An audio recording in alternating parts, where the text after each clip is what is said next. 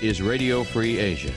The following program is in Burmese. ။မင်္ဂလာပါရှင်။လွတ်လပ်တဲ့အာရှအသံ RFA ရဲ့ဖေဖော်ဝါရီလ18ရက်နေ့တနင်္ဂနွေနေ့မနက်ခင်းအစီအစဉ်တွေကို American ပြည်ထောင်စု Washington DC မြို့တော်ကနေစတင်ထုတ်လွှင့်နေပါပြီရှင်။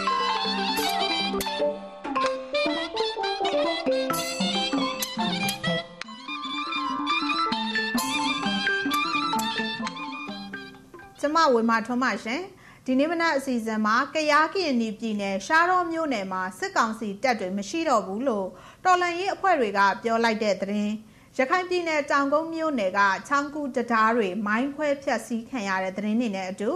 ကော့ကရိတ်မြို့နယ်ကတိုက်ပွဲတွေအကြောင်းတင်ပြချက်နဲ့ရခိုင်တိုင်းသားဘာသာအစီအစဉ်တွေကိုထုတ်လွှင့်မှုပြင်ဆင်ထားပါတယ်ရှင်။အခုတော့သတင်းတွေကိုအရင်ဆုံးထုတ်လွှင့်ပါမယ်ရှင်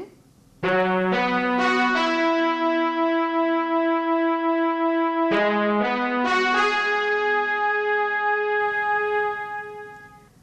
ရားကရင်ပြည်နယ်ရှားရောမြို့နယ်တန်လွင်မြစ်အရှိတ်ထိုင်းမြန်မာနယ်စပ်မှာရှိတဲ့စစ်ကောင်စီရဲ့အထိုင်စခန်းနှစ်ခုကစစ်ကောင်စီတပ်သားတွေစုခွာသွားပြီးတဲ့နောက်မှာရှားရောမြို့နယ်မှာစစ်ကောင်စီတပ်သားတွေမရှိတော့ဘူးလို့ကရင်နီတပ်မတော် KA ရဲ့စစ်ရေးချုပ်ဗိုလ်မှူးကြီးဖုံးနိုင်က RFA ကိုပြောပါတယ်စစ်ကောင်စီရဲ့ရှေ့တန်းအထိုင်စခန်းတွေဖြစ်တဲ့ Hui on Test ခန်းနဲ့ ကြားပါဆက်ကြီးတက်စခန်းတွေကစစ်ကောင်စီတပ်သားတွေဟာဖေဖော်ဝါရီလ23ရက်နေ့ကစုခွာသွားတာလို့ဆိုပါတယ်။ဒါအပြင်ဝှေပုံးလောင်းဒေတာကစစ်ကောင်စီတပ်သားတွေကိုလည်းဖေဖော်ဝါရီလ10ရက်နေ့ကနေ23ရက်နေ့အထိစစ်ကောင်စီတပ်ဘက်ကရဟတ်ရင်တွေနဲ့လာခေါ်သွားတယ်လို့ကရင်နီအမျိုးသားများကာကွယ်ရေးတပ် KNDF ကဖေဖော်ဝါရီလ18ရက်နေ့မှာသတင်းထုတ်ပြန်ထားပါတယ်။ စစ်ကောင်စီပြောခွင့်ရဗိုလ်ချုပ်စော်မင်းထွန်းကို RFA ကဖုန်းနဲ့ဆက်သွယ်ခဲ့ပေမဲ့လက်ခံဖြေကြားတာမရှိပါဘူး။ဖေဖော်ဝါရီလ12ရက်နေ့ကတည်းကရှားတော်မြို့ကိုကရင်နီပူးပေါင်းတပ်တွေကထိန်းချုပ်လိုက်ပြီလို့ကရင်နီအမျိုးသားများကာကွယ်ရေးတပ်မတော် KNDF ကကြေညာထားပါတယ်ရှင်။ရခိုင်ပြည်နယ်တောင်ကုန်းမြို့နယ်မတ်အီမြို့မှာရှိတဲ့မတ်အီချောင်းတရားနဲ့ကြောက်ကြီးပေါက်တရားတွေဖေဖော်ဝါရီလ16ရက်နေ့ညပိုင်းမှာမိုင်းခွဲဖျက်ဆီးခံလိုက်ရတယ်လို့ ဒေသခံတွေက RFA ကိုပြောပါတယ်။မတ်အီချောင်းတရားဟာမတ်အီမြို့နဲ့အမ်းမြို့နယ်ကိုဆက်သွယ်ထားတဲ့တရားဖြစ်ပါတယ်။ကြောက်ကြီးပေါက်တရားကတော့မတ်အီမြို့နဲ့ကြောက်ဖြူမြို့ကိုဆက်သွယ်ထားတဲ့တရားဖြစ်ပါတယ်။စစ်ကောင်စီတပ်ကမအီမျိုးကနေကြောက်ဖြူဘက်ကိုဆုတ်ခွာချိန်မှာတရားနှစ်စင်းလုံးကိုဖျက်ဆီးခဲ့တာလို့ဒေသခံတယောက်ကပြောပါတယ်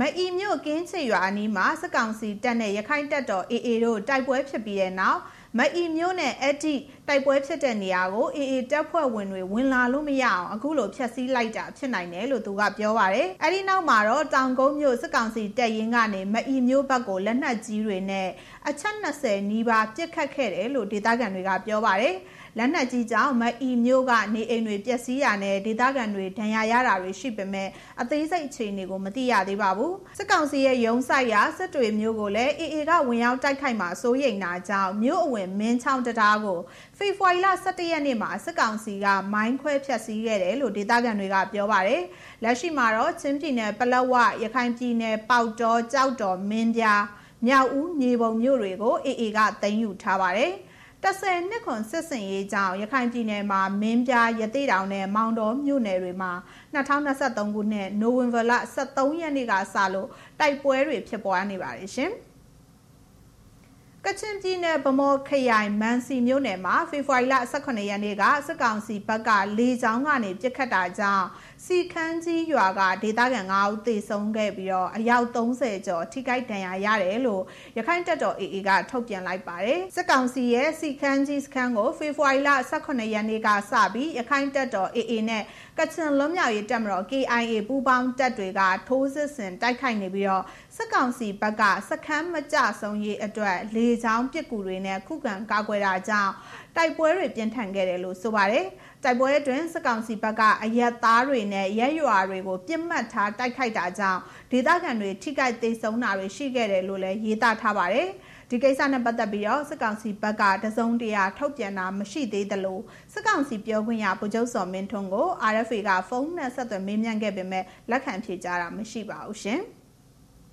မမကွေးတိုင်းအတွင်းဇန်နဝါရီလ1ရက်နေ့ကနေဖေဖော်ဝါရီလ16ရက်နေ့အထိတလခွဲအတွင်းစစ်ကောင်စီကြောင့်အရက်သား28ဦးသေဆုံးခဲ့တယ်လို့နိုင်ငံရေးအကျဉ်းသားများကူညီဆောင်ရှောက်ရေးအသင်း AAPP ကဖေဖော်ဝါရီလ16ရက်နေ့မှာထုတ်ပြန်လိုက်ပါတယ်။သေဆုံးသူတွေထဲမှာအမျိုးသမီး9ဦးနဲ့အမျိုးသား22ဦးစုစုပေါင်း28ဦးရှိပြီးတော့အသက်18နှစ်အောက်3ဦးပါဝင်ပါတယ်။ အဲ့ဒီတဲက12ဦးဟာစစ်ကောင်စီတပ်ရဲ့ဖမ်းဆီးထိန်းသိမ်းတာကိုခံရပြီးနောက်သေဆုံးခဲ့တာလို့ဆိုပါတယ်။ဖေဖော်ဝါရီလ14ရက်နေ့ကဂံကောမြို့နယ်မြောက်ခင်ရန်ကျေးရွာကအင်အား200ခန့်ပါတဲ့စစ်ကောင်စီတပ်နဲ့ပြူစောတိပူပေါင်းတပ်ဖွဲ့တွေဟာတင်တော်ကျေးရွာကိုပြစ်ခတ်ဝင်ရောက်ပြီးတော့ကောက်ပဲတိနံတွေရိတ်သိမ်းဖို့သွားတဲ့ကိုမောင်ပုအပါဝင်ဒေသခံအမျိုးသား9ဦးကိုဖမ်းဆီးခဲ့ပြီးတဲ့နောက်အစုလိုက်ပြစ်ခတ်တပ်ဖြတ်ခဲ့တယ်လို့ထုတ်ပြန်ချက်မှာရေးသားထားပါတယ်။ ဒါအပြင်အဲ့ဒီစစ်ကြောင်းကပဲဂံကောမြို့နယ်ရွှေဘိုကျေးရွာကိုထပ်မံဝင်ရောက်စီးနင်းပြီးတော့ရွာကန်တွေဖြစ်တဲ့ကိုတိုးလွင်ကိုမျိုးတက်နဲ့စစ်ဘေးရှောင်မှုရောက်နေတဲ့ရေးသားတော်ကျေးရွာကကိုစော်လင်းအောင်တို့ကိုဖမ်းဆီးတပ်ဖြတ်ခဲ့တယ်လို့လည်းဖော်ပြထားပါတယ်စစ်တပ်အာဏာသိမ်းပြီးတဲ့နောက်2021ခုနှစ်ဖေဖော်ဝါရီလ1ရက်နေ့ကနေ2024ခုနှစ်ဖေဖော်ဝါရီလ16ရက်နေ့အထိတနိုင်ငံလုံးမှာ ဒီမိုကရေစီရေးလှုပ်ရှားသူပြည်သူစုစုပေါင်း4545ဦးသေဆုံးခဲ့ရတယ်လို့နိုင်ငံရေးအကျဉ်းသားများကူညီဆောင်ရှောက်ရေးအသင်း AAPP ကထုတ်ပြန်ထားပါတယ်ရှင်။ကရင်မျိုးသားစည်းရုံး KNU ရဲ့တမဟာ1တမဟာ3နဲ့တမဟာ6ဒေသတွေမှာနှစ်ပတ်အတွင်းလက်နက်ကြီးကြောင့်အယသား2ဦးသေဆုံးပြီးတော့ကလေးငယ်9ဦးအပါအဝင်10ဦးထဏ်ရာရရှိခဲ့တယ်လို့ KNU ရဲ့ထုတ်ပြန်ချက်တွေအရသိရပါတယ်။ လက်နက်ကြီးကြီးတွေဟာမွန်ပြည်နယ်ကရင်ပြည်နယ်နဲ့ပဲခူးတိုင်းအတွင်းက KNU ထိန်းချုပ်နယ်မြေတွေထဲကြားရောက်ပောက်ကွဲခဲ့တာပါ RFA ရဲ့စင်းတွေအရစစ်အာဏာသိမ်းပြီးတဲ့နောက်2021ခုနှစ်ကနေ2024ခုနှစ်ဇန်နဝါရီလ31ရက်နေ့အထိနိုင်ငံတော်ဝန်မှာလေကြောင်းနဲ့လက်နက်ကြီးကြောင့်1429ဦးသေဆုံးခဲ့ပြီးတော့2642ဦးဒဏ်ရာရရှိထားပါတယ်ရှင်။ သတင်းတွေကိုထုတ်လွှင့်ခဲ့တာပါရှင်အခုဆက်လက်ပြီးတော့သတင်းဆောင်မတွေကိုထုတ်လွှင့်ပါမယ်တိုက်ပွဲတွေပြင်းထန်နေတဲ့ကရင်ပြည်နယ်ကော့ဂရိတ်မြို့နယ်မှာစစ်ကောင်စီတပ်ကလက်နက်ကြီးနဲ့နေစဉ်ပစ်ခတ်တာမီးရှို့တာတွေကြောင့်ပြည်သူတွေရဲ့နေအိမ်အဆောက်အုံတွေမီးလောင်ပျက်စီးခဲ့ရတယ်လို့တော်လန်ရေးအဖွဲ့တစ်ခုဖြစ်တဲ့ကြားပြူစစ်ကြောင်းကသတင်းထုတ်ပြန်ပါတယ်ကိုနေမျိုးထွန်းတင်ပြထားပါတယ်ရှင်ကရင်ပြည်နယ်ကော့ဂရိတ်မြို့မှာစစ်ကောင်စီတပ်နဲ့ကရင်မျိုးသားလွတ်မြောက်ရေးတပ်မတော် KNL မဟာမိတ်ပြည်သူ့ကာကွယ်ရေးတပ်ဖွဲ့ PDF ပူးပေါင်းတပ်တွေနှစ်ဖက်ထိတွေ့တိုက်ပွဲဖြစ်ပွားနေပြီးစစ်တပ်ကလက်နက်ကြီးနဲ့မြို့ရင်းကိုပစ်ခတ်တိုက်ခိုက်တာအပြင် နေအိမ်တွေကိုမိရှို့တာတွေနေ့စဉ်လိုလှုပ်ဆောင်နေတယ်လို့ကြားပြူစစ်ကြောင်းတက်ခွဲ9ရဲ့တက်ခွဲမှုရဲဘော်သောမတ်က RFA ကိုပြောပါတယ်။ကျွန်တော်လာနေတဲ့လမ်းတွေရက်ွက်တွေမှန်တယ်မြတ်တွေမိရှို့တာယူတွေပြီးတော့လက်နက်ကြီးနဲ့ပစ်တာမျိုးတွေ ဟာဝဇာနဲ့ပြတာမျိုးတွေပေါ့နော်ဒီစားကစနေဟာဝဇာပြတာမျိုးတွေနေ့စဉ်ရက်စက်ကိုလုံနေအောင်ဖေဖော်ဝါရီလ16ရက်မနေ့9နာရီခွဲအချိန်ခလာရ60တက်ရင်အနီးတစ်ဝိုက်မှာ KNL ပူးပေါင်းတပ်ဖွဲ့တွေနဲ့နှစ်ဖက်ထိတွေ့တိုက်ပွဲဖြစ်ပွားခဲ့ရမှာစစ်တပ်ရဲ့လက်နက်ကြီးကြောင့်ဝင်းကြီးရက်ွက်တောင်စွန်းတရားနာမှာမီးလောင်ကျွမ်းခဲ့တယ်လို့အမည်မဖော်လိုတဲ့ကော့ဂရိတ်မြို့ကန်တူကပြောပါတယ်။9နိုင်ခွဲအောင်လဲလောက်အနေစဖြစ်တယ် ကိုတဲ့အခုကတိုက်ပွဲတွေကမပြီးသေးအဲ့မှာဟိုထတ်ကြတဲ့ဟိုမြို့တော်ဦးပဲလောက်မှခမန်းကြည့်ပေါ့အစီအစဉ်သိကြမရလေဝင်ကြီးအမနှစ်ဘက်မှာတော့ပြီးလောက်တာတော့သိသိနေရတယ်အခုဘယ်နေရာလောင်လဲဆိုတာမသိရသေးဘူးအခုဝင်ကြီးအမနှစ်တောက်သုံးတရားအကြောင်းအနီးတစ်ဝိုက်မှာမီးလောင်နေတယ်တပ်ပွဲကိုတဲ့ခုံဝင်ပြစ်တာပါအဲတပ်ပွဲကလည်းမပြီးသေးဘူးပြစ်တုံပဲ ကော့ဂရိတ်မြို့တွင်းရက်ကွက်ခုနှစ်ခုမှာစစ်တပ်ပစ်ခတ်တဲ့လက်နက်ကြီးလေရင်တွေဒရုန်းတွေနဲ့ဘုံကျဲတိုက်ခိုက်တာတွေကြောင့်မိလောင်ပျက်စီးဆုံးရှုံးတဲ့နေအိမ်အဆောက်အဦအလုံး300နီးပါးရှိလာပြီးနေရက်စွန့်ခွာထွက်ပြေးတိမ်းရှောင်နေသူ3000ကျော်အထိရှိလာနေတယ်လို့ကရင်ပြည်နယ်အခြေစိုက်သတင်းမီဒီယာတွေကဖော်ပြပါတယ်။ကော့ဂရိတ်မြို့မှာတိုက်ပွဲဖြစ်ပွားတာနှစ်လနီးပါးကြာမြင့်လာပြီဖြစ်ပြီးဒုက္ခသည်တွေအစားအစာနဲ့ကျန်းမာရေးစောင့်ရှောက်မှုလိုအပ်နေတယ်လို့ဖအံမြို့ဘက်မှာစစ်ဘေးရှောင်နေတဲ့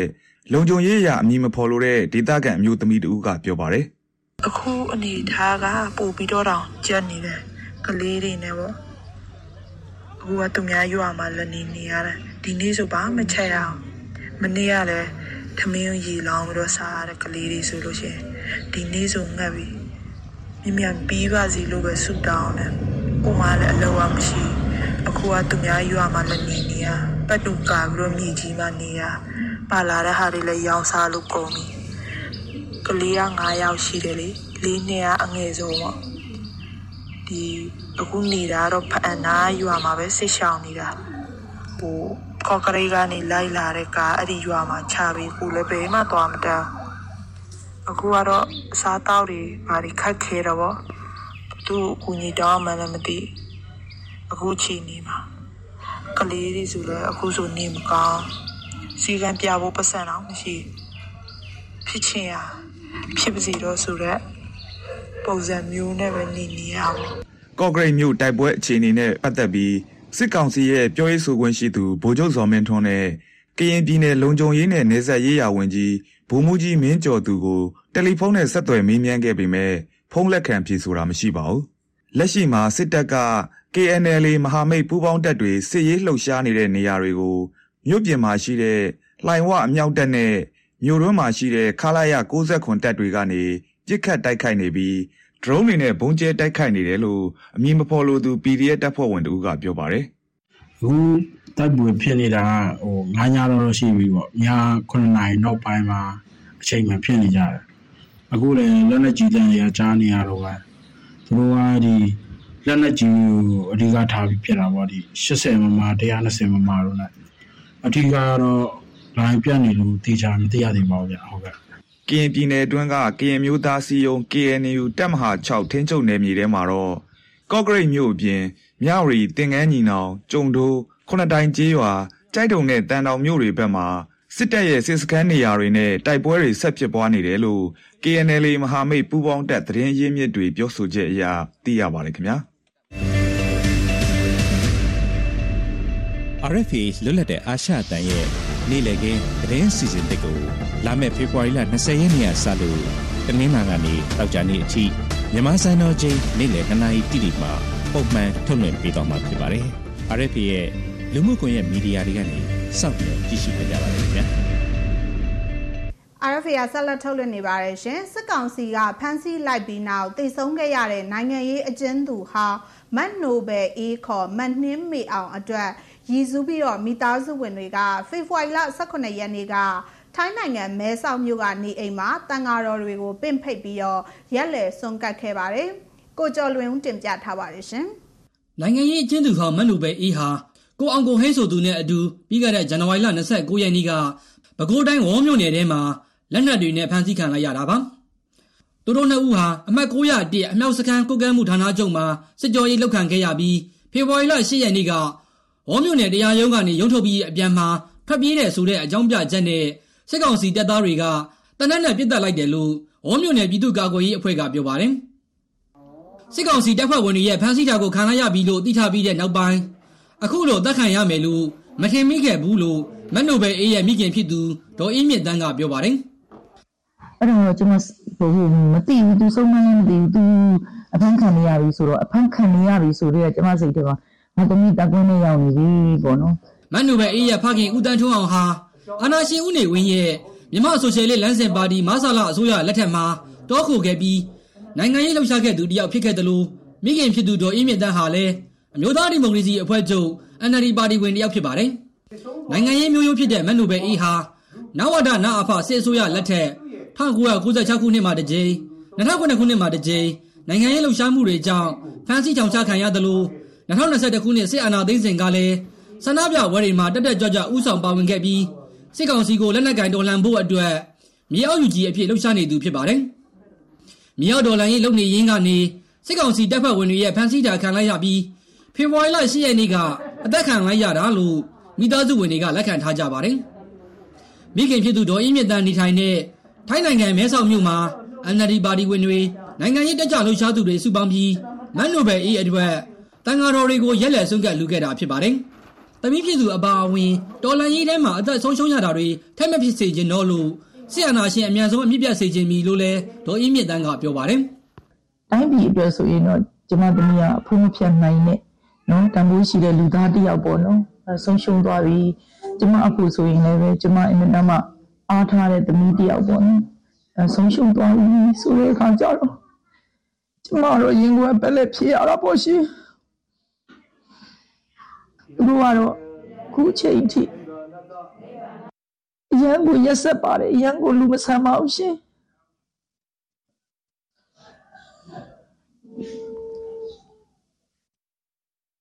ကျမဒီပွဲယူအများဆုံးဆုံးသက်ချင်ပါပြီ။ဘာဖြစ်လို့လဲဆိုတော့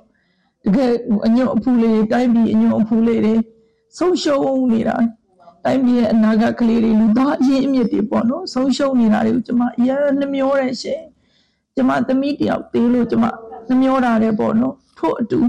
ကျမသမီးလိုပဲကျမသမီးတဲ့တောင်အသက်ငယ်သေးတဲ့ကလေးလေးတွေပေါ့နော်ကျွလွင့်ကုန်တာအင်တာမှာအဖို့တန်ပါတယ်အဲ့ဒါတိုင်းပြည်ရဲ့တကယ်အရင်းအမြစ်တွေပါရတနာလေးတွေပါအဲ့ဒါတွေထပ်ပြီးဆုံးရှုံးအောင်ပါဘူးကျမဒီရန်ကိုပဲကျမနှမျောနေပါတယ်ရှင်ဒါကြောင့်မို့ဒီပွဲကြီးကိုအမြင်ပြေးချင်ပါပြီမန်နိုဘယ်အေးကို1985ခုနှစ်နိုမာလာ17ရက်နေ့စနေနေ့မှာမွေးဖွားခဲ့တာပါ။ငွေချင်းလေးယောက်မှာအကြီးဆုံးဖြစ်ပါတယ်။ သူဟာကိုဗစ် -19 ကပ်ရောဂါဘေးကြောက်ရောက်ချိန်မှာလဲလူမှုကူညီကယ်ဆယ်ရေးလုပ်ငန်းတွေကို လုပ်ကိုင်ခဲ့သူဖြစ်ပါတယ်။ဆီယနာရှင်ဒေါ်လာရေးမှာမန်နိုဘယ်အေးဟာ အမျိုးသမီး အာဇာနည်သူရဲကောင်း ဖြစ်ထိုက်ပါတယ်လို့ အမျိုးသားညီညွတ်ရေးအစိုးရအန်ယူဂျီရဲ့ ဝန်ကြီးချုပ်ရုံပြောရေးဆိုခွင့်ရှိသူ ဦးနေဖုံးလက်က ပြောပါတယ်။ ဒီဒီဖြစ်မှာမဟုတ်ဘူးเนาะဒီရှေ့ကတော့ဖြစ်ပြီးမှလည်းဒါပါဝင်တဲ့ဒါအာဇာနည်သူရဲကောင်းတွေဖြစ်တယ်ပေါ့နော်ဒါအရင်တော့ဆိုတော့အာဇာနည်9ဦးဆိုပြီးကျွန်တော်ပြောခဲ့ကြတာရှိတယ်နော်အခုကတော့အာဇာနည်က9ဦးမကတော့ဘူးပေါ့နော်ဒီဒေါ်လာရေးတစ်လျှောက်မှာเนาะကျွန်တော်တို့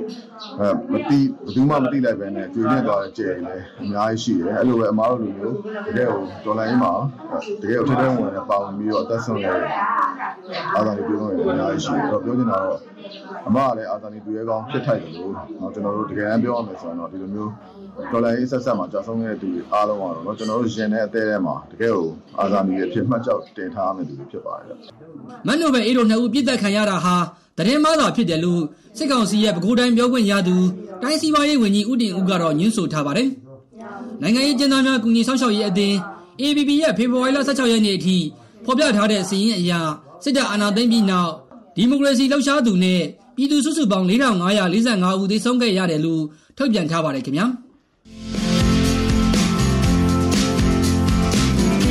လာမယ့်ဒီဇင်ဘာလကစပြီး RFA ရေးလည်ခွင့် pocket အစီအစဉ်တွေကိုထုတ်လွှင့်ပေးပါတော့မယ်မြန်မာနိုင်ငံတွင်းမှာနေ့စဉ်ဖြစ်ပျက်နေတဲ့ထူးခြားတဲ့အကြောင်းအရာတွေနောက်ဆုံးရသတင်းတွေကို။ဒီနေ့မှနေ့ကနေတောက်ကြနေအထိနေ့လယ်12နာရီမှနားဆင်ရမှာပါကျွန်မသစင်လိုက်။ကျွန်မတစ်ချိန်အောင်ပြီ။ကျွန်မညီညွတ်သူတွေကဒီစီစဉ်ကိုတာဝန်ယူတင်ဆက်ပေးနေပါတယ်။ ဟုတ်ကဲ့ဒီလိုတစ်ဆက်တည်းမှာပဲအခုကတော့အာစီရေးချီနေတွေကတော့တင်းတင်းမှာဖြစ်နေတယ်ဒီထဲမှာဆိုရင်ပေါ့နော်ဒီတိုက်ပွဲတွေဖြစ်နေတဲ့စကိုင်းတိုင်းစလင်းကြီးမြို့နယ်ကကြတဲ့ရွာရဲစခန်းကိုဒါတိမ့်ပိုက်လိုက်တယ်ဆိုပြီးတော့မြန်မာနိုင်ငံအောက်ပိုင်းကိုဆက်ပြီးတော့ရောက်လာပြန်ပြီပေါ့နော်ဒီရခိုင်ပြည်နယ်ဒီအဲ့ရသေးတောင်မြို့နယ်တွေကဒီဒိန်းဒုံးပိုက်နဲ့ဒီချိန်ခါလေးကြေးရွာပေါ့နော်ဒီစီစဉ်ကို RFA Facebook နဲ့ YouTube အပြင် Google Spotify နဲ့ Apple Podcast တို့မှာတောင်းပန်ရယူပြီးနားဆင်နိုင်ပါရှင်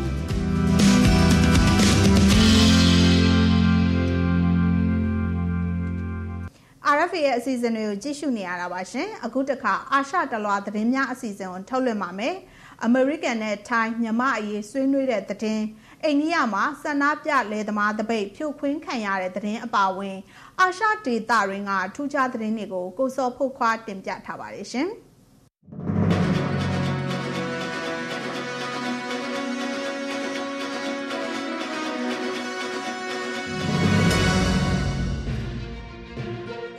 အမေရိကန်နဲ့ထိုင်းနိုင်ငံသားရေးဝန်ကြီးတွေမြန်မာရေးဆွေးနွေးခဲ့ကြပါတယ်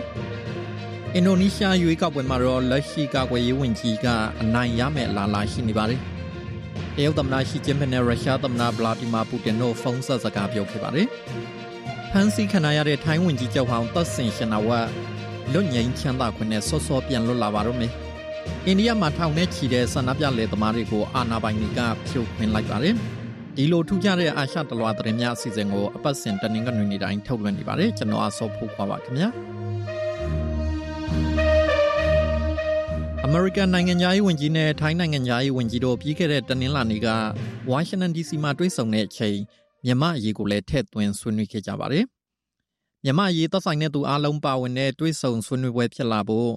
မတရားဖန်ဆီးခံရတဲ့သူတွေကိုပြန်လွှတ်ဖို့အကြမ်းဖက်မှုတွေအားလုံးအဆုံးသတ်ဖို့နဲ့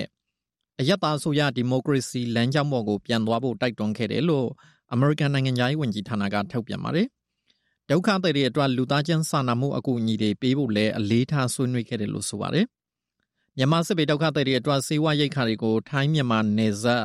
မဲဆောက်မြို့ကနေတဆင့်ပို့သွားဖို့ထိုင်းအစိုးရကစီစဉ်နေတာဖြစ်ပါတယ်ခင်ဗျာ။ဗုဒ္ဓဘုနေ့ကကျင်းပခဲ့တဲ့အင်ဒိုနီးရှားရွေးကောက်ပွဲရဲ့ကနအူးမဲရလက်တွေအရ လက်ရှိကာကွယ်ရေးဝန်ကြီးပရာဘိုဝိုဆူဘီယန်တိုကမဲအများဆုံးနဲ့ဦးဆောင်နေပါတယ်။အင်ဒိုနီးရှားရွေးကောက်ပွဲစီးမြင့်နေအရသမ္မတနေရာအတွက်အနိုင်ရဖို့ဆိုရင်တနိုင်ငံလုံးရဲ့မဲအရေအတွက်90ရာခိုင်နှုန်းရဖို့လိုပါတယ်။တကယ်လို့တယောက်မှ90ရာခိုင်နှုန်းမရရင်တော့မဲအများဆုံးနှစ်ယောက်ကတကြောပြန်ပြန်ရမှာဖြစ်ပါတယ်။ဒါပေမဲ့ပရာဘိုဝိုဆူဘီယန်တိုကတော့90ရာခိုင်နှုန်းထက်ကျော်လွန်မဲရထားတာကြောင့်တကြောပြန်ပြိုင်ဖို့မလိုပဲတခါတည်းနဲ့အနိုင်ရနိုင်တယ်လို့ ရွေးကောက်ပွဲလီလာစောက်ကြည့်ရဲ့အဖွဲ့တစ်ဖွဲ့ရဲ့စည်ရင်တွေကိုကိုးကားပြီးတော့သတင်းတွေကဖော်ပြနေပါတယ်။သူဟာတခြားပြိုင်ဘက်တွေနဲ့လည်းမဲအပြတ်သက်ကွာနေတာပါ။ဒါပေမဲ့အခုရလက်ကတော့တရားဝင်မဟုတ်သေးပဲနဲ့တရားဝင်မဲအနိုင်ရှုံရလက်ကိုတော့နောက်လာထဲမှာမှကြီးညာမှာဖြစ်ပါတယ်ခင်ဗျာ။တရုတ်သမ္မတရှီကျင်းဖင်နဲ့ရုရှားသမ္မတဗလာဒီမာပူတင်တို့ပြီးခဲ့တဲ့ကြာသပတေးနေ့ကဖုန်းဆက်စကားပြောခဲ့ပါတယ်။အနောက်နိုင်ငံတွေနဲ့သဘောထားကွဲလွဲမှုတွေရှိနေပေမဲ့ သူတို့နှစ်နိုင်ငံကြားမှာတော့မိဖက်ဆက်ဆံရေးမပြတ်ဖို့ပို့ပြီးတော့နီးနီးကပ်ကပ်ရှိကြဖို့ဆွေးနွေးခဲ့တယ်လို့သတင်းတွေကဖော်ပြပါတယ်။အချုပ်ချာအာဏာလုံခြုံရေးနဲ့အကျိုးစီးပွားတွေကာကွယ်ဖို့အတွက်နှစ်နိုင်ငံကြားပို့ပြီးတော့ဟန်ချက်ညီညီလောက်သွားဖို့လိုတယ်လို့သမ္မတရှီကျင်းဖင်ကပြောကြားခဲ့တဲ့အကြောင်းတရုတ်ဆိုရကထုတ်ပြန်ပါတယ်။ပြည်တွင်းရေးတွေကိုပြည်ပကဝင်ရောက်ဆွတ်ဖက်တာကိုပြင်းပြင်းထန်ထန်ဆန့်ကျင်ဖို့လဲသမ္မတရှီကအလေးပေးပြောခဲ့ပါတယ်။ယူကရိန်းအရေးအရှေ့လေပိုင်းအပါအဝင် တကဘာလုံးဆိုင်ရာပြဿနာတွေကိုဆွေးနွေးခဲ့ကြပြီးတော့ဒီပြဿနာတွေကိုတန်တမန်နီးအရဖြေရှင်းမှုလေခေါင်းဆောင်နှစ်ဦးလုံးကထောက်ခံခဲ့ကြပါတယ်ခင်ဗျာဖန်စီခဏရတဲ့ထိုင်းဝင်ကြီးချုပ်ဟောင်းတပ်ဆင်ရှင်နာဝတ်ကိုလွတ်ငင်းချမ်းသာခွင့်နဲ့ပြန်လွှတ်ပြီးတော့မယ်လို့ထိုင်းတရားရေးဝန်ကြီးဌာနကပြီးခဲ့တဲ့အင်္ဂါနေ့မှာကြေညာလိုက်ပါတယ်အစောဆုံးအနေနဲ့ဒီသတင်းပတ်ကုံပိုင်းမှာပြန်လွတ်လာဖို့ရှိပါတယ်တပ်ဆင်ရှင်နာဝတ်ဟာ2006ခုနှစ်ကထိုင်းနိုင်ငံအာဏာသိမ်းပွဲမှာ ဝင်ကြီးချုပ်ယာဒူကနေဖျောက်ချခံခဲ့ရတဲ့သူဖြစ်ပါတယ်။ပြည်ပမှာ15နှစ်ကြာတိမ်းရှောင်ပြီးတော့ပြည်တော်ပြန်လာတဲ့သူကိုအာဏာအလွဲသုံးစားမှုအကျင့်ပြတ်ချစားမှုတွေနဲ့ထောင်ဒဏ်၈နှစ်ချမှတ်ခဲ့ပြီးမြဲထိုင်းဘရင်မင်းမြတ်စီကိုအတနာခံစာရေးခဲ့တာကြောင့်တစ်နှစ်အထိရှော့ပေါ်ခံစားခွင့်ရခဲ့ပါတယ်။ဒါပေမဲ့လည်းအခုတော့သူဟာ6လပဲအချုပ်ထဲမှာနေခဲ့ရပြီးတဲ့နောက်ပြန်လွတ်လာတော့မှာဖြစ်ပါတယ်ခင်ဗျာ။ အိန္ဒိယနိုင်ငံနယူးဒေလီမြို့ကိုဦးတီချီတက်လာတဲ့ထောင်နဲ့ချီတဲ့ဆန္ဒပြလေသမားတွေကိုရဲတပ်ဖွဲ့ကမျက်ရည်ယူပုံတွေတုံးပြီးတော့ပြစ်ခတ်ဖြိုခွင်းခဲ့ပါတယ်။ထော်လာကြီးတွေကုန်တင်ကားတွေနဲ့ချီတက်လာတဲ့ဒီဆန္ဒပြလေသမားတပိတ်စစ်ကြောင်းကိုနယူးဒေလီမြို့နဲ့မိုင်တရာလောက်အကွာကလေးကဝင်းဟင်ကနေ drone တွေနဲ့ဘုံတွေကျဲပြီးတော့နှိမ်နေတာဖြစ်ပါတယ်။မြို့ထဲဝင်လာလို့မရအောင်မြို့ဝင်ပေါက်တွေကိုလည်းပိတ်ထားပြီးတော့လူစုလူဝေးမလုပ်ကြဘူးလေအာဏာပိုင်တွေကတားမြစ်ထားပါတယ်။ ဒီဆန္ဒပြတဲ့လေသမားတွေဟာပြီးခဲ့တဲ့2021ခုနှစ်ကတည်းကမြို့ပြင်ကစင်ကြီးပုံရက်ကွက်တစ်ခုမှာတပိတ်စခန်းချခဲ့ကြတာဖြစ်ပါတယ်။အဲ့ဒီအချိန်ကတည်းကလေသမားတွေဝင်ငွေနှစ်ဆပြအောင်လုပ်ပေးမယ်လို့အစိုးရကကတိပေးထားပြီးမြဲအခုချိန်ထိလုံးမပေးနိုင်သေးတဲ့အတွက်ကြောင့်ဆန္ဒပြကြတာပါ။ချင်းငွေတွေလျှော့ပေါ့ပေးဖို့နဲ့လေသမားတွေအပေါ်ဆွဲဆူထားတဲ့အမှုတွေကိုဖျက်သိမ်းပေးဖို့လဲဆန္ဒပြတောင်းဆိုကြတာဖြစ်ပါတယ်ခင်ဗျာ။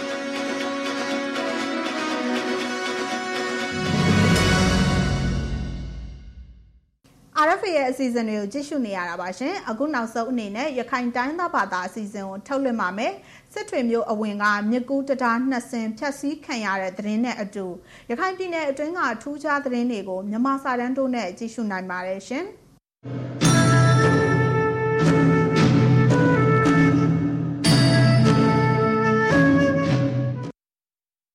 တာလီရောမိုထားပါကြပါ RFA ခိုင်ဘာသာစတဲ့ကနေကိုစပါရဲ့ ဒီဘယ်ထင်ပါလေအခိုင်ပင်တော့ကထူခါရတဲ့တော့ဖိုက်စဒီကိုတောင်ပါပြလောက်ပေါ်ဖိုက်ပါတယ်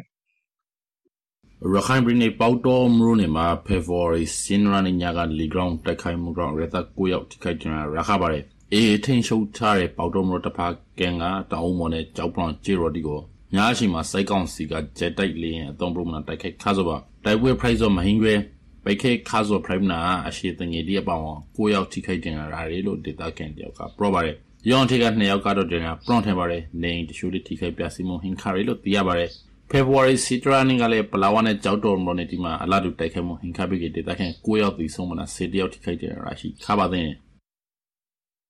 စိုက်တွေမလို့ဝမရိုက်ကူတန်ထာနဆောင်ဖရိုက်တဲ့ guys ပါနဒီတန်ထာနဲ့မောင်ရှောင်းတန်ထာရောဖြာစီခံရတယ်လို့ဒေတာခင်ဒီကပြောပါတယ်မောင်ရှောင်းတန်ထာကို February 9ရက်နဲ့စင်ရာနီရောကစိုက်ကောင်စီကနှစ်ဂရိန်တန်မှန်ခွေဖြာစီလိုက်ဆိုလို့ဒေတာခင်တယောက်က RP ခန်းစီစီကိုပြောပါတယ် အလာဒူ February 7ရက်နေ့မှာလေကြောက်တော့က guys ပါနဒီတန်ထာကိုစိုက်ကောင်စီကဂျက်တိုက်လေနဲ့ပုံကလေးဖြာစီလာရလို့ဆိုပါတယ်မောင်ရှောင်းတန်ထာဆိုတာနှစ်ပိုင်းပရက်တော့လာမနာ guys ပါနဒီတန်ထာကတော့ကာလန်မပြစီကလေးလူသွားလဲအများစုပြစီလာမလားတန်ထားတန်ခိုင်မှုအားနေလာတယ်လို့သိရပါတယ်။ကျွန်တော်တန်ထားနှစွမ်းလုံးဆိုတော့ site တွေကနေ rank ကိုကုန်းလန်းစားသူတွေအတွက် array ပါတယ်တန်ထားဒီ private ပိုင်း site တွေကိုဝန်ရောင်းနိုင်ဖို့မလိုက်ကူတန်ထားဒီလေး private ပါတယ်။တလောင်းဒီပြီးမှာဆောက်ပေါက်ကနောက်ကိုကိုမမကတောင်စားပြီးလာဖို့ private ပါတယ်။ မြန်မာနိုင်ငံသားတိုင်းစိုင်းမုံမထမ်းမနေရဥပဒေကို ကြောင်းသုံးဖို့ပြလို့ February ဆေရာလေးမှာစိုက်ကောင်စီက ကြေညာလိုက်ပါတယ်။အမျိုးသားဆိုကြအသားဆေးရှိုက်နှိုက်ကနေ35နိုင်ထိ အမျိုးသမီးဆိုကြအသားဆေးရှိုက်နှိုက်ကနေ20ခနိုင်ထိ မဖိုင်းမနိုင်ထင်းဆောင်ဖို့လို့ ဆိုပါရဲ့အသားမွေးဝမ်းကြောပညာတစ်ခုခုနဲ့ ready နေသူဒီဆိုကြအမျိုးသားဒီကအသားဆေးရှိုက်နှိုက်ကနေ45နိုင်ထိ အမျိုးသမီးဒီဆိုကြအသားဆေးရှိုက်နှိုက်ကနေ35နိုင်ထိထင်းဆောင်ဖို့လို့ ပြဋ္ဌာန်းထားပါတယ် တာဝန်ထင်းဆောင်ဖို့ဆောင်းခေါ်ချိန်မှာပြကွက်ခရဲ့ထောင်နဲ့9နိုင်ထိကြာခင်လာဖို့ဖိတ်ပါတယ် ဒီဥပဒေကို2024သောင်းဂရန်အပရိကာရဧပြီလမှာစတော့အကောင့်တွေပေါ်ပေါ်ဖိုက်တီတော့ပို့ရှုံမောင်းထွင်ကမီဒီယာတချို့ကိုပြောထားပါတယ်ဒီကညာရှာဆိုနိုင်ငံတော်ဝန်ကလူငယ်ဒီပေါ်မှာခရီးမရရခဲ့မှုပါနိုင်ငံတကာမှာဒီဥပဒေဆိုပရိပါရင်ကိုကောက်ကွယ်ဖို့ကြောင်းသုံးကလေးမြန်မာနိုင်ငံမှာစိုက်ကောင်စီကပရီဒွန်စိုက်ပွေးဒီဖရန်ချဆောင်ရွက်နေရရှိမှကြောင်းသုံးဖို့ကရိုဘယ်ဘောဝေဖန်မှုဒီလေးဟင်းနေပါတယ်ရခိုင်ဒေသမှာတော့ AA နဲ့စိုက်ကောင်စီတို့ဆယ်ရီပရန့်ထန်နေမနာ AA ကနေမီသိမ့်ပတ်မှုဒီမြပရလာနေပါတယ် ရခိုင်ရဖဖွဲ့စည်းတစ်ခုကတော့ဒီဥပဒေဆိုရခိုင်ဒေသပိုင်တာရန်သာလာနာကိုင်ခရီးဆိုမှုအာဂရီဒေသမှာစိုက်ကောင်စီဥပဒေသာရမှုအားနေနိုင်လို့သုံးသပ်ပါတယ်တချို့ကလည်းစိုက်ကောင်စီအနေနဲ့ပြည်သူဒီဆန္ဒမှာပါပဲအတောင်အကျကြောင်းပုံပုံကရုပဲငယ်တော့လူငယ်ဒီကိုတာရောင်းသားလာနာကိုင်နေဘာတော့တွဲဖို့နေတဲ့အတူတူလို့ပြောပါတယ်ရခိုင်ဒေသနေလူငယ်အများစုစိုက်ရီဂရောင်းရဲကောင်အပေါင်းပရိမာကိုထောခွာနေကြလေဒီဥပဒေအပရိနေရပရနာသူဒီလေဟင်းနေလို့ပြောပါတယ် ရခိုင်တက်တော်အေကစိုက်ကောင်စီကိုရခိုင်တပရင်လုံးမှာတပရိုင်နာတေတထိုးဆိုင်ဆောင်တိုက်ခတ်နေမှာမလို့ခရောင်းမိုးထိသိမ့်ပိုင်နိုင်ပြီးပြီးပဲလို့နောက်ပိုင်းမှာမရင်တော့သုံးပကထုတ်ပြထားပါတယ်အရိဖေခိုင်ပါပါစတဲ့ကိုစောင်းမြနာဆောင်ပြီးထားတဲ့သောတာချန်ပြလုံး online ရှင်းပြခဲ့ပါစီကျေးဇူးတင်ပါတယ်ကျွန်တော်ကတော့အောင်သူပါ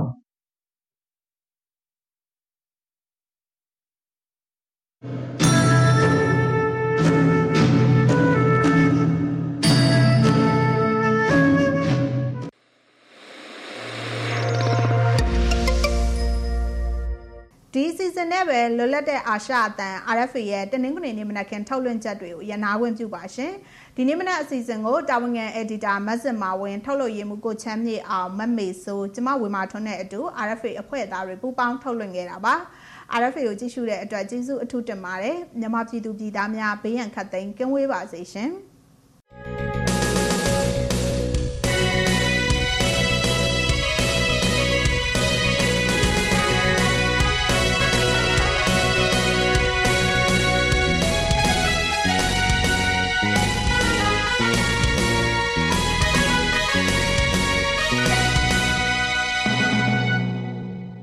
have been listening to Radio Free Asia.